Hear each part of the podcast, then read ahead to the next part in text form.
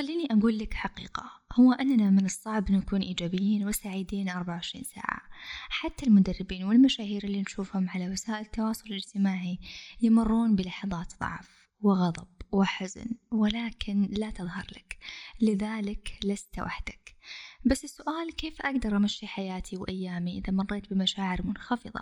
كيف ما أخليها تأثر على يومي؟ خذ نفس عميق وخلينا نفصل أكثر في هذا الموضوع. أهلا وسهلا فيكم في حلقة جديدة من بودكاست نفس. معكم سماح العثمان مدربة في السلام الداخلي ومدربة تقنيات العلاج بمجال الفكرة. موضوعنا اليوم جديد مو الكثير تكلم عن هذا المصطلح لذلك حابة أناقشه معاكم.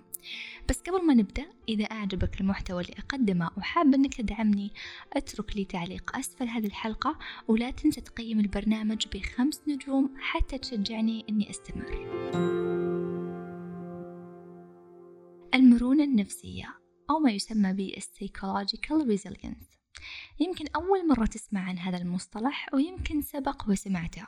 وهي عبارة عن القدرة على أنك ترجع لوضع مشاعرك الطبيعي المتزن بعد حدث سلبي حصل لك غير مزاجك ومشاعرك. يعني مثلا خلال اليوم مشاعرك جيدة ومبسوط ومروق أمورك تمام. فجأة يجيك اتصال أو رسالة من موضوع يتعلق بشغلك مثلا. هذا الموضوع يضايقك ويخليك تعصب. طيب هل راح تعيش هذا الغضب لفترة قصيرة بعد المكالمة وبعدين تكمل يومك ولا خلاص؟ لا كل اليوم يخرب بسبب هذه المكالمة. من مزايا المرونة النفسية أنها تجعل منك شخص أكثر روقان أكثر هدوء. وهذا الشيء أحيانا يكون موجود عندنا بالفطرة. في أكثر من شخص في حياتي ما شاء الله تبارك الله يتميزون بهذه المهارة. تقول لك أنا ما أقدر أزعل كل اليوم أنا واحدة فرفوشة أحب أنبسط. أو تقول يجيني اكتئاب لو أزعل كل الوقت لازم أطلع من هذا المود.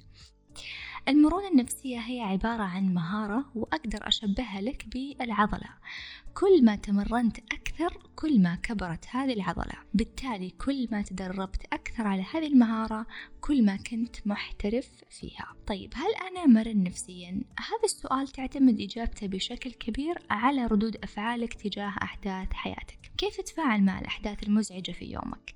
كل ما كنت أكثر هدوء واتزان وتسليم كل ما كنت أكثر مرونة. وترى هنا أنا ما أقصد الهدوء والكتمان لا. لأن في كثير ناس تحسب أني إذا سكت عن المشاعر اللي فيني وكتمتها يعني أوكي يعني أنا بطل. لا لا لا لا.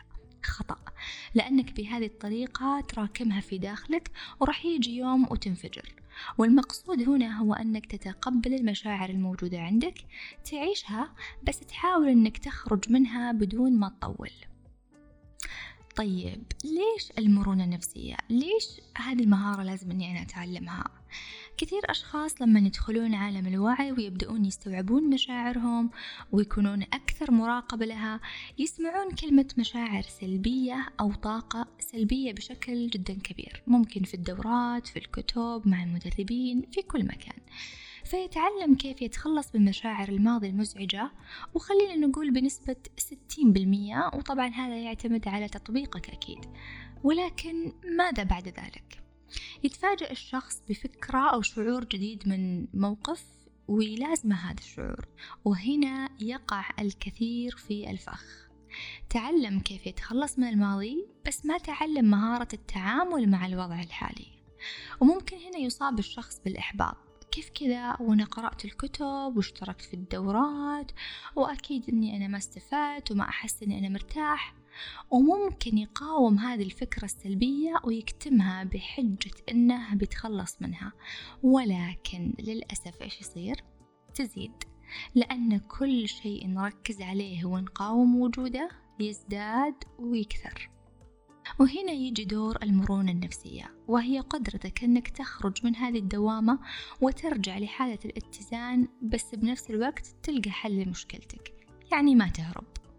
وأبسط طريقة أقدر أساعدك فيها أنك تدرب نفسك على المرونة النفسية هي أنك تسأل نفسك سؤالين لما يجيك أي شعور سلبي.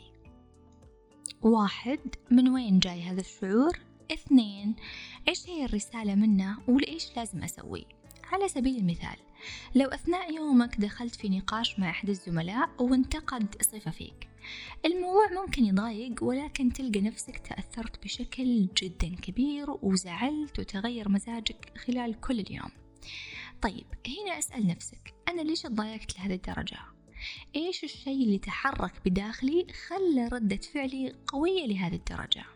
قد تكون مثلا أنك أنت تعرضت للتنمر في طفولتك فخلتك حساس أكثر لهذا الموضوع أو ممكن عندك صدمة سابقة عن هذا الموضوع اللي صار. السؤال هذا راح يساعدك تخرج من الحالة السلبية وتكون في دور المراقب وبعدها تبدأ تفكر إيش لازم أسوي وإيش لازم أتعلم من هذا الشعور. ممكن تتعلم أنه هذه الصدمة لا زالت في داخلك ولا زالت مأثرة عليك فبالتالي أنت تحتاج أنك تتخلص منها.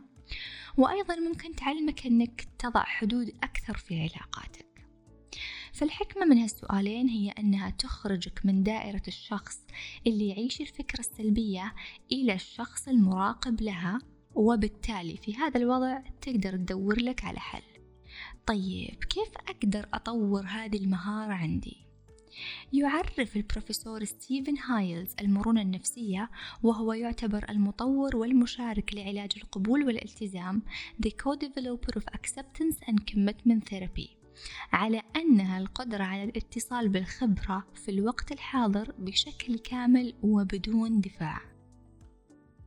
خليني أشاركك خمس خطوات عملية تساعدك في تطوير هذه المهارة عندك.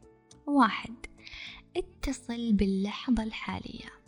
وهذه المرحلة تقدر توصل لها أيضا بالتدريب. حاول أنك تطبق التأمل يوميا ولو على الأقل فترات قصيرة. خلينا نقول خمس دقائق في اليوم. اثنين راقب اتجاه تفكيرك. لما تجيك فكرة استوقفها وشوف هي رايحة بأي اتجاه. ثلاثة اقبل التجارب الجديدة. بمعنى أنك تخرج من دائرة الراحة اللي دائما تعطيك شعور بالأمان والهدوء. جرب أشياء جديدة حتى تمرن عضلة المرونة النفسية عندك. أربعة حدد قيمك وأولوياتك في الحياة. خمسة درب نفسك على السؤالين السابقين اللي ذكرتهم. ولو حاب تقيس المرونة النفسية عندك وضعت لك في وصف حلقة اليوم ملف يحتوي على اختبار بسيط يقدم في بعض الجامعات والمؤسسات الأجنبية. ترجمته وعملته كتمرين يقيس المرونة عندك. بإمكانك الدخول على الرابط وأخذ هذا الاختبار. وفي الختام خلونا نسأل الله سبحانه يساعدنا نكون أقوياء ولكن لينين. مرنين سهلين التعامل مع أنفسنا ومع مشاعرنا. أكثر وعي وأكثر إدراك لكل شعور نمر فيه وأكثر قبول ومحبة لكل مرحلة جيدة وغير جيدة في حياتنا.